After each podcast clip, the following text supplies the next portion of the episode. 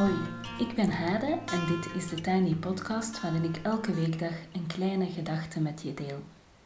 Vandaag is het donderdag 2 juli 2020 en de kleine gedachte is er één om rode oortjes van te krijgen. En daarvoor laat ik Tamara Leenaerts aan het woord.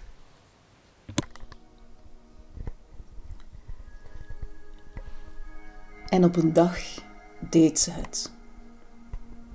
Ze had lang gewacht. Haar lijf genoeg geslapen, haar goestingen en goestingsjes lang genoeg gezwegen. Ze ging dus naar het kasteel. Ze aarzelde bij de deur en durfde dan toch. En ze liet zich soigneren. En ze soigneerde. Ze koesterde en liet zich koesteren. En beminnen, begeren. Ze voelde zich mooi en ze danste. Ze vertelde en ze schreef, ze deelde. Over zinnen en minnen, over passie en verlangen, over laten gaan en krijgen, over wild en zacht, over prikkelend plezier. En toen ze buiten stapten uit het kasteel, was ze een andere madame. Of nee, ze, ze was meer van dezelfde, stralender, voller, krachtiger en blijer. Haar buurvrouw thuis voelde haar glans en dacht: misschien.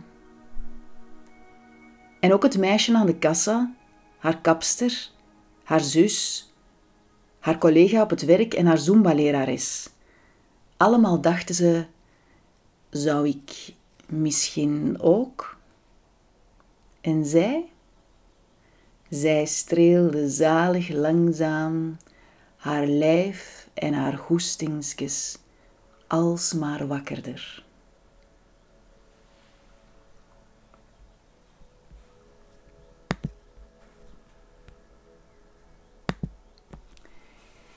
Ik ben geboren en getogen in vele vrouwennesten. En groot geworden bij een man en een vrouw die volop genoten van de zinnelijke vrijheid van de jaren zestig. Sensuele sprankels waren in ons gezin en de grote familie net zo aanwezig als kirika's en muizenstrontjes. Tot mijn achttiende dacht ik dat vrouwen baas waren in de wereld en met mannen spraken via erotiek. Dat wie verleiden de macht had en de vrouwen rondom mij waren daar meesters in tot ik handelsingenieur ging studeren en ging werken in bedrijven, toen bleek een en ander toch wat complexer in elkaar te zitten dan mijn kinderogen en oren hadden begrepen. Opnieuw, 18 jaar later, lag ik een lente lang uitgeput op de zetel. Uit balans. Te veel mijn mannetje hebben willen staan, te hard geprobeerd om mijn collega's te kopiëren en nog beter te zijn dan zij mijn masculine kwaliteiten overontwikkeld. Verward en vermoeid over de effecten van erotiek als taal op de werkvloer. En intussen ook moeder van twee dochters. Een cirkel van vrouwen maakte het meisje in mij en mijn energie terug wakker. Met rimpels en grijze haren ondertussen weliswaar, en een grote handtas vol verhalen. Ik beleefde opnieuw de kracht van een vrouwenbad, net zoals in mijn jeugd. En deze keer besloot ik om die kracht wakker te houden en andere vrouwen uit te nodigen om mee in dat feminine bad te stappen. Om dan daarna, rozig van het water, met meer vrouwelijke glans, terug de wereld in te gaan, ieder naar haar eigen plek. She Company was geboren. Die glans, zo merkte ik, was op haar krachtigst als de zinnelijke mee in de cirkel kwam. En zich dan nestelde in onze lijven, eerst ongemerkt en behoedzaam, en dan alsmaar zijnelozer. Waren de verhalen die we deelden aan het begin van de avond voorzichtig en aarzelend, dan werden ze sprankelend en spannend en sensueel. Dan werden de verhalen dansen en fantasieën schrijven en naaktfoto's.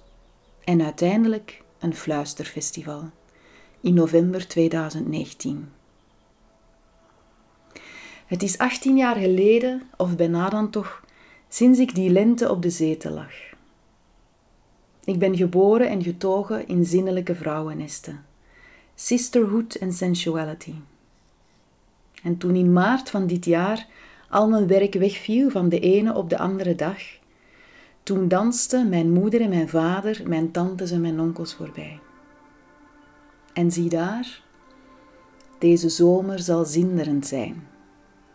En jij en alle vrouwen die je kent en die het voelen kriebelen, zijn meer dan welkom. Benieuwd?